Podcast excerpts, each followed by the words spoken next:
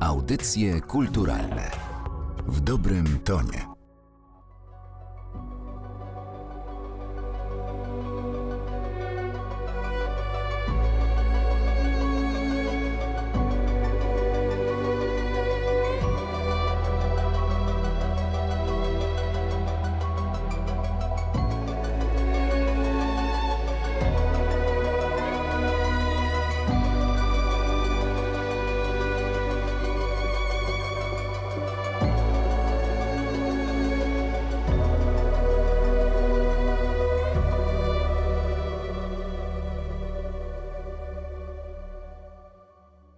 Przy mikrofonie Martyna Matwiejuk. Słuchają Państwo audycji kulturalnych, a w studiu Narodowego Centrum Kultury jest dzisiaj Wojtek Urbański, kompozytor, producent muzyczny. Dzień dobry. Dzień dobry.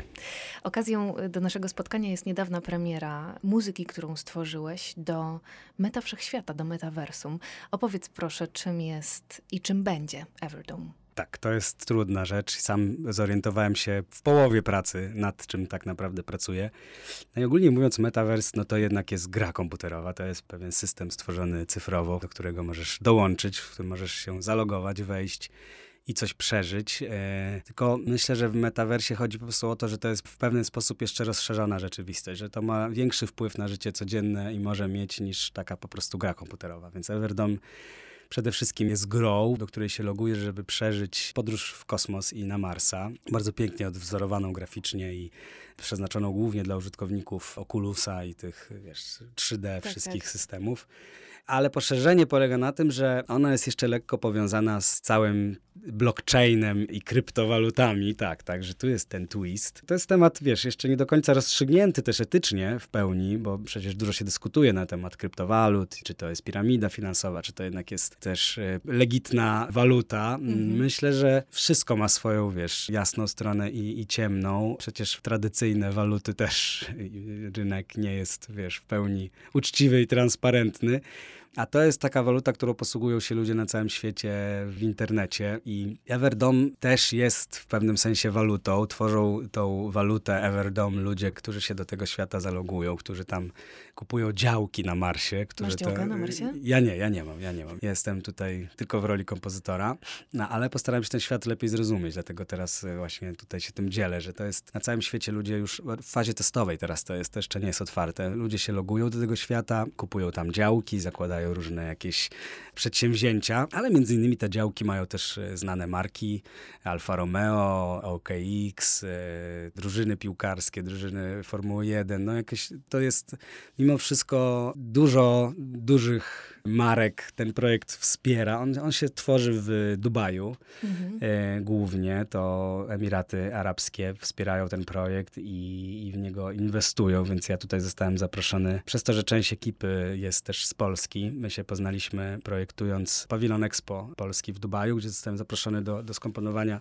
muzyki do jednej z ekspozycji i, i tam współpracowałem z Łukaszem Alwastem. To jest taki projektant doświadczeń. On się zawodowo zajmuje w projektowaniu doświadczeń. Czy to jest wystawa, czy to będzie cokolwiek, co ma być doświadczeniem ludzi od A do Z jakimś przeżyciem, no to Łukasz tam wchodzi jako taki filozof doświadczeń i, i nam się bardzo dobrze pracowało nad, nad pawilonem w Expo, więc mnie zaprosił do tego projektu. I tutaj też zaprojektowaliśmy doświadczenie lotu w kosmos. Więc ogólnie podsumowując, jest to, jest to gra komputerowa, jest to metaverse oparty o blockchain, o NFT, o te wszystkie nowoczesne rzeczy dyskusyjne, ale ja też nie jestem tutaj po to, żeby to oceniać. Myślę, że to też nie jest już moment na to, bo to się dzieje na świecie tak. po prostu i, i trzeba się temu przyglądać i, i, i rozumieć ten, ten świat. Ja zostałem poproszony o zrobienie muzyki, więc podszedłem do tego też oczywiście, jak wiesz, najlepiej potrafię. I udało mi się namówić producentów na to, żeby jednak tej muzyce dać rozsądny budżet i możliwości, żeby zrobić to w takim hollywoodzkim stylu. Coś, czego w Polsce czułem, że w muzyce jeszcze za dużo nie było, czyli takich orkiestrowo-elektronicznych produkcji w pełni możliwości każdego z tych elementów dwóch. W pewnym sensie te elementy są przeciwstawne do siebie, no bo elektronika i żywe granie no zawsze gdzieś tam ze sobą konkurowały, ale jest bardzo ciekawy moment, kiedy się potrafią zetknąć i współpracować razem. Myślę, myślę, że takim synonimem tego momentu na przykład na świecie jest Hans Zimmer i, i Will Fish i najgłośniejsi kompozytorzy Hollywood korzystają z tego, co najlepsze w elektronice i najlepsze w orkiestrze i,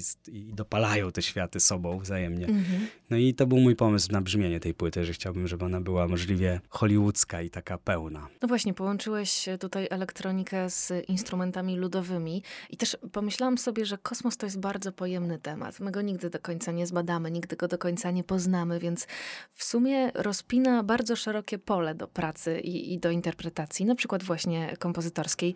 A z drugiej strony jeszcze mamy szereg różnych skojarzeń popkulturowych jednak z tą muzyką kosmiczną. Czy to ułatwia, czy utrudnia pracę? To jak wiele tych rozwiązań jest. No, to dobre pytanie. Znaczy tak, na pewno język muzyki kosmicznej definiował się już w kinie, w szczególności w drugiej połowie XX wieku. Powstawały najbardziej epickie soundtracki kosmiczne i ludzie przed tą przestrzeń, która z natury jest bardzo cicha, w no której tak. nie ma dźwięku, zagospodarowali, postawili tam jakieś takie ważne kropki i ciężko by mi było zacząć pracę nad soundtrackiem do kosmosu, nie uwzględniając tego, co było. Więc na tej płycie odrobiłem lekcję. Przesłuchałem w chyba po prostu wszystko, po prostu, do czego miałem dostęp I kto był dla ciebie tym najważniejszym punktem odniesienia? Tutaj, wiesz, sypałbym teraz nazwiskami, no ale wiadomo, że mieliśmy Odyseję Kosmiczną Ligetiego, mieliśmy oczywiście no, kawał historii, którą dopisał Hans Zimmer właśnie tworząc Interstellar, który mm. jest y, bardzo ważnym soundtrackiem o kosmosie i bardzo tam dużo dużo dopowiedział do tego brzmienia, ale było też dużo pięknych takich bardziej dyskretnych i autorskich soundtracków, na przykład Max Richter do Ad Astra, Marsjanin, no takich może mniej znanych. Grawitacja to już akurat znany bardzo, zresztą Oscarowy soundtrack. No wiadomo, że mamy Johna Williamsa i Gwiezdne Wojny. I ja to wszystko sobie przesłuchałem, postarałem się zrozumieć, jakie są rzeczy, z których absolutnie nie można zrezygnować. I są takie elementy, jakieś takie długo trwające, bardzo wysokie brzmienia, które spajają całość. I to rzeczywiście jest charakterystyczne, że w wielu soundtrackach kosmicznych mamy w bardzo wysokich oktawach takie długo trwające smyczki na jednym dźwięku i to, to jest chyba jakiś odpowiednik takiego, wiesz, nieskończoności i takiego jakiegoś nie, niewidocznego horyzontu i te elementy w Everdomie też są. Jeśli chodzi o paletę brzmień, no to bardzo pięknie z kosmosem skleiły się smyczki i to właściwie w każdym epickim soundtracku jest pełnie brzmiąca sekcja smyczkowa. Jeśli chodzi o syntezatory, no to bardzo pięknie dają przestrzeń i bas i głębie. Są też instrumenty specyficzne, które różni kompozytorzy włączali na jakimś etapie. Tutaj właśnie wspomniany Hans Zimmer bardzo pięknie w Interstellarze włączył organy kościelne i to jest w ogóle mega piękne, bo to instrument bardzo sakralny, kojarzący się, wiesz, z ewidentnie z przestrzenią kościołów i właściwie no nie mamy okazji posłuchać organów mm. w innych miejscach, tak. a, a tu nagle mamy... To są budowane i strojone do konkretnych budowli, prawda? Tak, są do konkretnych budowli, raczej mało słychać ich poza kościołem. Przeciętnie człowiek słyszy to po prostu w kościele i z tym to kojarzy. I Interstellar był, myślę, że tutaj przełomowy, bo tam cały czas takie ostinato jest na organach i to, to też w Everdomie jest i użyłem tego świadomie jako taki właśnie tribut i, i cytat. No, bardzo wiadomo, w Gwiezdnych Wojnach bardzo ważna była sekcja Denta i te wszystkie epickie tematy na niej grane, więc to też leciutko tam pocytowałem. Natomiast no, moją przestrzeń znalazłem na pewno w kreowaniu takiej barwy dźwięku w, w całej tej elektronice, do której byłoby mi najbliżej, więc ja elektronikę rozumiem i stosuję bardzo, bardzo świadomie. Często powtarzam w różnych rozmowach, że muzyka elektroniczna to nie jest wcale instrumentarium, tylko sposób myślenia. Możesz hmm. robić elektronikę na, na żywych instrumentach albo używać syntezatorów, ale to za Chiny nie jest elektronika, jeśli tego świata się nie rozumie i tego, jak się te brzmienia w kulturze rozwijały i jak, jak budować przestrzenie elektroniczne. Więc dużo jest elektroniki na płycie na, w Everdomie. I tak, no i mam wrażenie, że gdzieś udało mi się stworzyć również brzmienie Everdomu, brzmienie, moje brzmienie kosmosu, ale tak jak mówię, to zawsze było w odniesieniu do, do kultury, do tego, co było i z tego się bardzo cieszę. Jest dużo cytatów, takich myślę, że uśmiech na twarzy się pojawi, bo można to skojarzyć. No i też dużo bardzo domiksowałem tam prawdziwych nagrań z kosmosu, różnych, e, różnych komunikatów NASA, rozmów między misjami Apollo a Ziemią i takie cytaty też są tam słyszalne.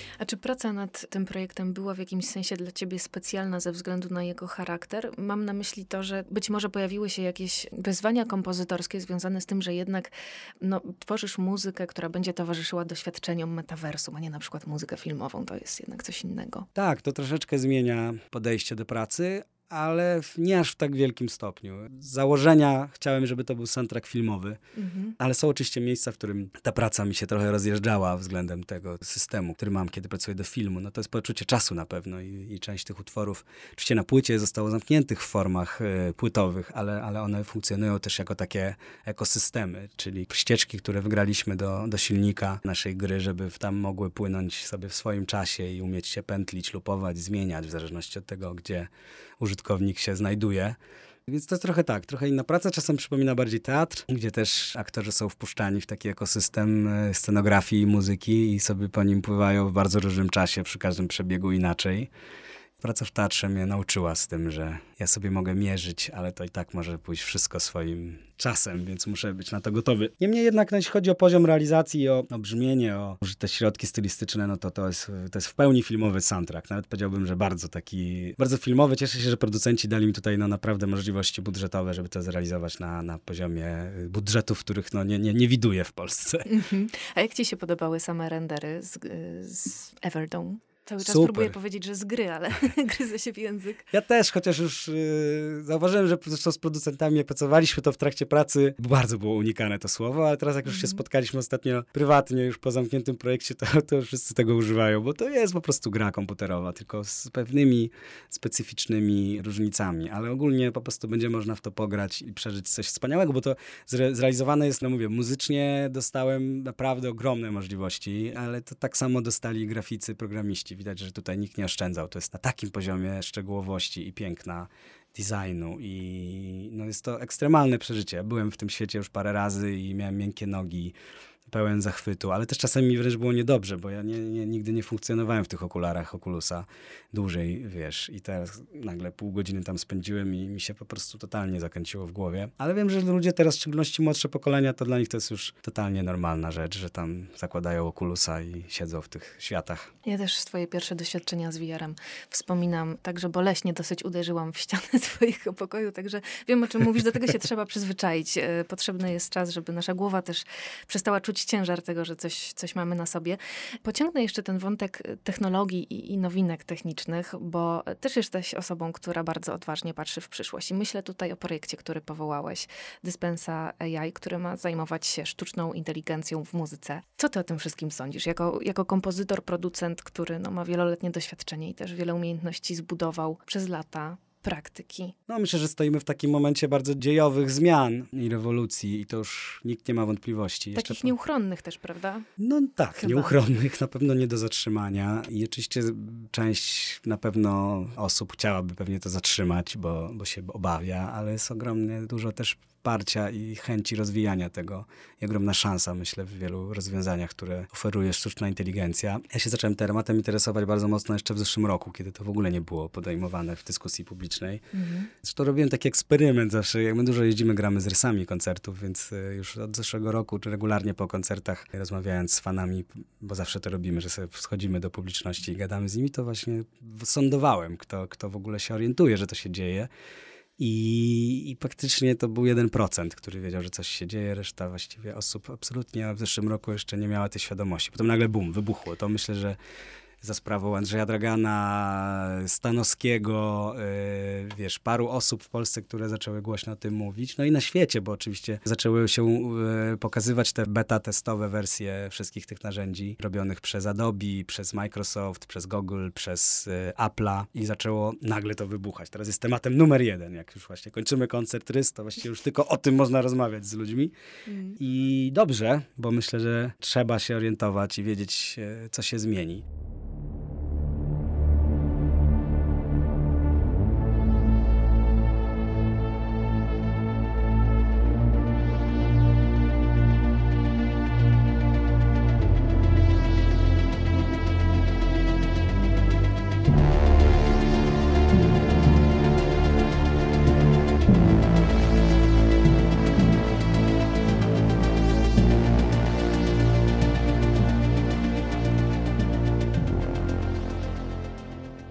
Porównuję, nie, nie, oczywiście to jest inna skala, wydaje mi się, dużo większa, ale trochę mi się przypomina moment, kiedy wchodziłem na rynek muzyczny, to dokładnie ja wchodziłem z komputerami domowymi. To był dokładnie ten moment, kiedy można było już w pełni robić muzykę na komputerze w domu. I też pamiętam bardzo dużo głosów, że to się skończy już muzyka, że, że teraz będą wszyscy ci amatorzy, co nie mają szkół muzycznych, nie umieją grać na żywym instrumencie, teraz będą mogli robić muzykę i co to jest i, i że to już nie jest muzyka, że techno, elektronika to jakieś bzdury i tak dalej. Oczywiście to wszystko się nie potwierdziło i komputer uważam był absolutnie kamieniem milowym w rozwoju muzyki. To, co teraz mamy, że obserwujemy po prostu wysyp cudownych artystów, jak nie wiem, Fred Again, którego teraz mm -hmm. wielbi cały świat, Fortet, czy nawet, y, oczywiście wcześniej też byli muzycy, którzy korzystali z elektroniki, z syntezatorów, tylko tu chodzi o coś bardziej, o ważniejszą zmianę, o dostępność, o interfejs, który był w pewnym momencie stał się absolutnie dostępny i, i każdy po prostu może zacząć robić muzykę. Ta rewolucja komputerowa się teraz domyka. Już nie dyskutujemy o tym, czy możemy zacząć robić muzykę w domu, czy ona jest lepsza, czy gorsza tej muzyki nagranej w studio. Nie ma absolutnie dyskusji, absolutnie wszystko możemy robić w domu, w studio, gdzie chcemy i wszystko jest bardzo dobre, może być jutro prezentowane na świecie, wgrywane prosto z komputera, zresztą na platformy streamingowe. Także ta rewolucja się domyka. Ale zaczęła się kolejna, czyli rewolucja mocy obliczeniowej, rewolucja, która właściwie została popchnięta do przodu bardzo mocno przez blockchainy, o których przed chwilą mówiłem, i kryptowaluty, no bo w momencie, w którym w, w połowie zeszłego dziesięciolecia e, zaczęto bardzo mocno przeliczać te wszystkie struktury blockchainowe kartami graficznymi, to również odkopano, że tak powiem, zainteresowanie tymi algorytmami niepredefiniowanymi, czyli wszystkimi związanymi ze sztuczną inteligencją, które były po prostu w uśpieniu przez lata. No bo ludzkość się zdecydowała po II wojnie światowej, jak się zaczął rozwijać komputer. Komputer się zaczął rozwijać w dużej mierze również dzięki wojnie, która potrzebowała mocy obliczeniowej, żeby łamać enigmę, kody i tak dalej. No i mocno rozwinęła się komputeryzacja, ale w pewnym momencie zdecydowano, że opłaca się bardziej rozwijać predefiniowane modele, algorytmy, w których jeśli to, to to, jeśli x to to, jeśli 2x to to i tak dalej, i tak dalej. I ta nitka komputeryzacji się rozwijała do teraz, a przez ostatnie parę lat znowu wzrosło zainteresowanie rozwijaniem algorytmów opartych na sztucznej inteligencji. Oczywiście rozwijaniem na szerszą skalę, bo one były rozwijane przez lata. Mieliśmy elementy sztucznej inteligencji już w telefonach, ale to nie były aż tak rozwinięte sieci neuronowe, a od tych 6, 7 do 10 maksymalnie lat, w miarę jak też y, moc obliczeniowa drastycznie podskoczyła i możliwość sprawdzania tych modeli sztucznej inteligencji, no to to zaczęło nagle wybuchać. w dużym skrócie sztuczna inteligencja to jest rachunek prawdopodobieństwa, tylko na tak nieprawdopodobnie dużą skalę, że zaczyna oddawać nam wyniki, efekty zbliżone do rzeczywistości, bardzo satysfakcjonujące. Jeśli po prostu wgramy na, na taką gotową sieć neuronową, czyli miliardy czujniczków, tak to porównajmy, wgramy ileś tam set tysięcy zdjęć twarzy, no to zaczyna się budować obraz rzeczywistości. Ale to jest tak ogromna próba i tak ogromna ilość tych iteracji, powtórzeń, tego rzucania, tego prawdopodobieństwa, że jak nagle prosimy tą samą sieć, żeby zrobiła nam odwrotność, żeby zaczęła nam w takim razie proponować takie rzeczy, które uważa, że są twarzą, no to to wychodzą twarze. Na I tym tak to polega. Samo z muzyką. Przede wszystkim tak samo z tekstem. Sztuczna inteligencja najpierw się wzięła za tekst. Bardzo mamy dużo tekstów kultury, jest mnóstwo. Internet jest tekstem przede wszystkim, więc można było z dużej ilości zasobów skorzystać. Przy iluś tam set tysiącach powtórzeń sztuczna inteligencja się uczy, że jeśli Ala ma, to raczej będzie kota.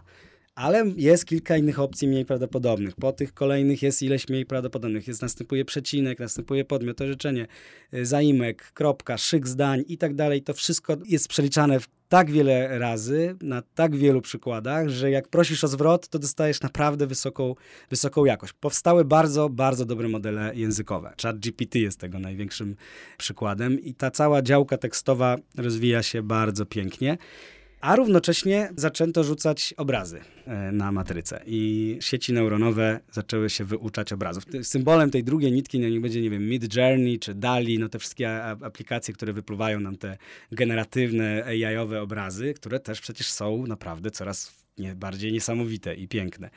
Więc jeśli mamy model językowy i mamy obraz, no to nie ciężko dojść do wniosku, że możemy mieć muzykę. Człowiek tworzy muzykę też dwutorowo. Jest tekst, czyli nuty, i jest obraz, czyli brzmienie, barwa. To, Mhm. to jest dokładnie są te dwie rzeczy. I jeśli zaczniesz krzyżować ze sobą te dwie ścieżki, bo to tu się zaczyna zabawa ze sztuczną inteligencją. W momencie, w którym zaczynasz jakieś wydreptane, już działające struktury ze sobą krzyżować na którymś momentach, prosić sztuczną inteligencję o wymyślenie czegoś, a potem już na bazie tego, co wymyśliła ta sztuczna inteligencja, prosić kolejny algorytm, żeby dopracowała, do, dorobiła coś, czego tamta nie umiała. No i na, na zasadzie skrzyżowania modeli językowych oraz modeli graficznych zaczęto tworzyć muzykę. Powstała taka aplikacja, w dużym uproszczeniu oczywiście mówię, ale takim symbolem jest AIWA, taka aplikacja, którą wyuczono nut, na bazie nut, wielu tysięcy, 30 tysięcy zdaje się utworów grano w nią, klasycznych, bardziej współczesnych, mniej i ona się troszeczkę, że tak powiem, nauczyła kompozycji, zasad, na jakich pracuje, bo to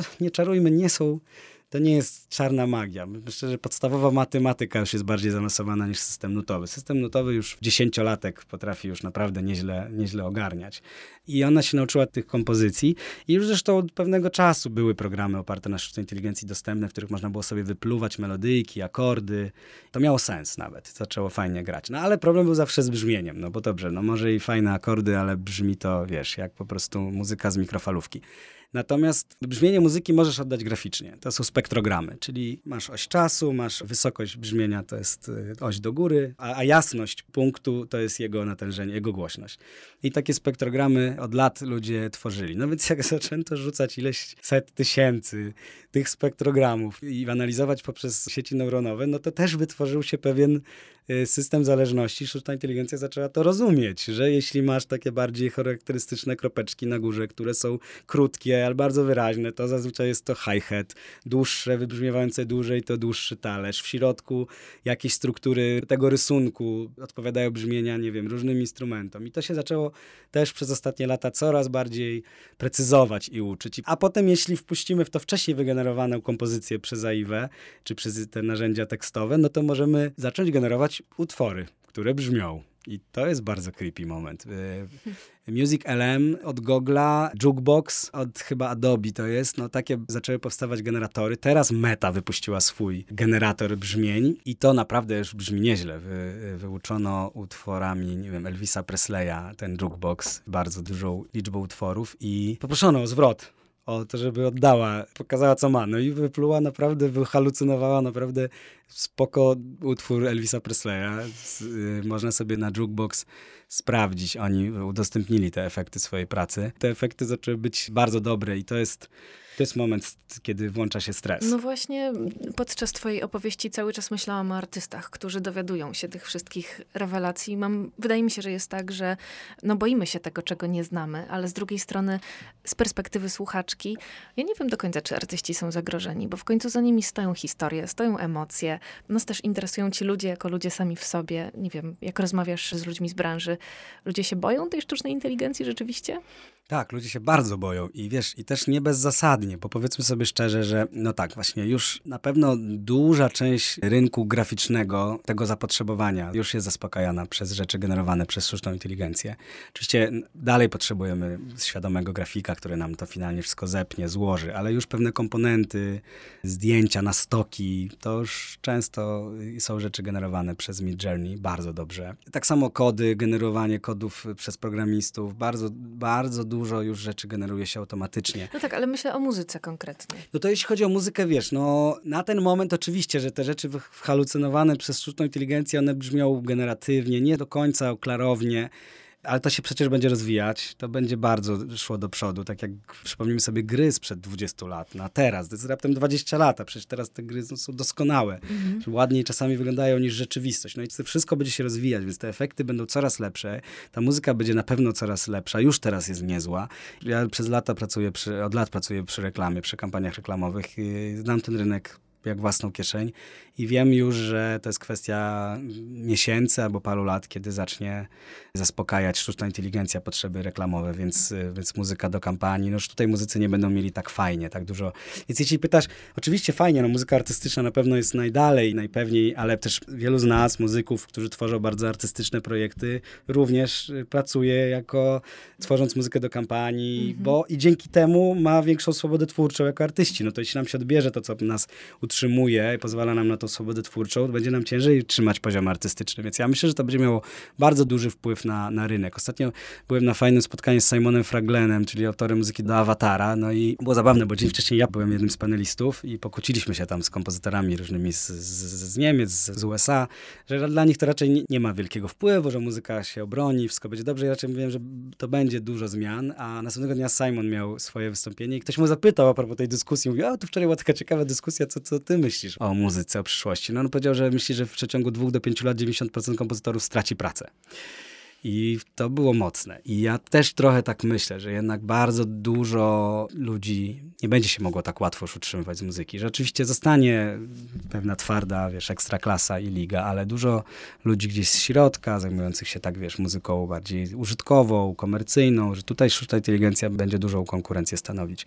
I musimy sobie z tego zdawać sprawę, przygotować się do tego, umieć ocenić swoje miejsce w tym wszystkim, nie stawiać wszystkiego na jedną kartę, szukać rozwiązań, dywersyfikować, popatrzeć, co jeszcze umiemy, gdzie jeszcze ewentualnie, wiesz, to, to, to jest na razie oczywiście ciężko mówić, bo to jest sam początek takiego naprawdę, tego rajdu sztucznej inteligencji, ale ja myślę, że czeka nas wiele zmian rynkowych i ja sam nawet, wiesz, no ja jestem kompozytorem, znam swoje teraz miejsce obecne, mam dobry moment, robię dużo topowych projektów, a i tak mimo wszystko nie powiedziałbym teraz, że wiesz, że ja jestem pewien, co będę robił za 20 lat, że się zestarzeję jako kompozytor po prostu przypomnienie. Może to się tak bardzo zmieni, że nie postawiłbym teraz wszystkiego na jedną kartę. Nie, nie wziąłbym na moje robienie muzyki kredytu teraz po prostu i, i, wiesz, i wiedział, że będzie i tak dobrze. Bo właśnie od kiedy zacząłem się interesować sztuczną inteligencją, zdałem sobie sprawę, że może być różnie, lepiej się temu przyglądać, dlatego powołałem Dispensa AI, żebyśmy właściwie ten temat badali, żebyśmy otworzyli taką dyskusję w Polsce na temat zmian w muzyce i na temat tego, co może, jak wyglądać, kiedy, no to,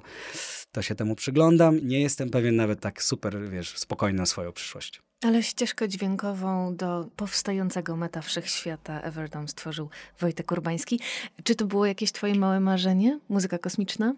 Oczywiście było totalnym i w ogóle to nawet nie jest tak bardzo oddalone od, od tematu sztucznej inteligencji. Ja to płytę robiłem dokładnie w tym czasie, kiedy zacząłem się interesować sztuczną inteligencją i, i dlatego ona jest na tak, dla mnie to na najwyższym moim możliwym poziomie. Ja tą płytę włożyłem w nią całego siebie na maksa i wszystkie i żywych instrumentów nagrałem, ile i żywych artystów, bo właśnie przerażony tematem sztucznej inteligencji pomyślałem sobie, ja chcę mieć taki projekt na koncie, taki żywy, prawdziwy, taki absolutnie mój i ludzki i dlatego ta płyta jest dziełem sztucznej inteligencji, ale tylko w tym sensie, że ona mnie do tego zmotywowała. Niczym mi tu nie pomogła realnie, ale dała mi motywację, że trzeba inwestować też w swoją muzykę na maksa. To ja tylko dodam, że ta płyta też wspaniale działa autonomicznie i, i można jej z powodzeniem słuchać i, i odkrywać ten świat kosmiczny w swojej głowie, nie tylko w połączeniu z obrazem. Wojtek Urbański był dzisiaj moim i Państwa gościem. Bardzo Ci dziękuję. Dziękuję bardzo.